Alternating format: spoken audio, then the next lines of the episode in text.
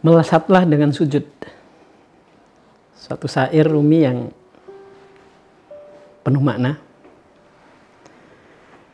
Jika telah kau tapaki jalan kebenaran, melesat cepat engkau menuju ke rumah. Ingatlah, jiwamu itu cahaya langit.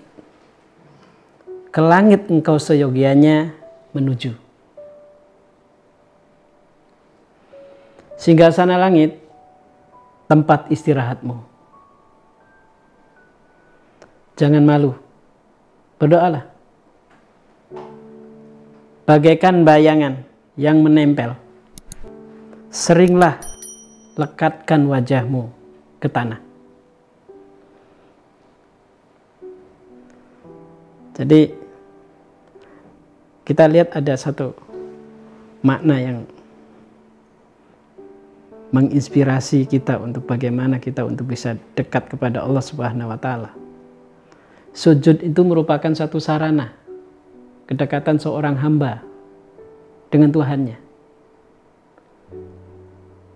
Kata, kalau kita lihat bayangan segitiga, ketika orang bersujud itu posisi semakin bawah, menandakan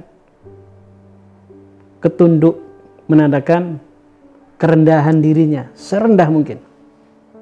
Nah, segitiga ini bayangan segitiga. Pada dasarnya segitiga itu puncaknya ada di atas. Ketika orang bersujud, sebenarnya dia sedang mencapai pada tingkat puncak segitiga tadi. Kita ada di bawah karena semua ciptaan Allah semuanya adalah bayangan. Jadi bayangan segitiga. Ketika segitiga bayangannya itu segitiga asli seperti ini, bayangannya yang puncak ada di bawah.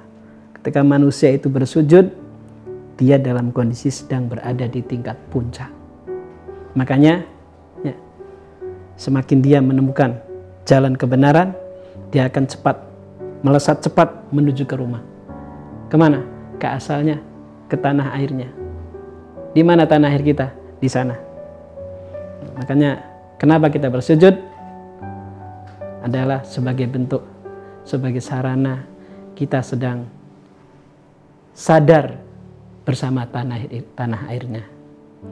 Ingat, tanah air kita adalah dari Allah Subhanahu wa taala. Makanya inna lillahi wa inna ilaihi rajiun.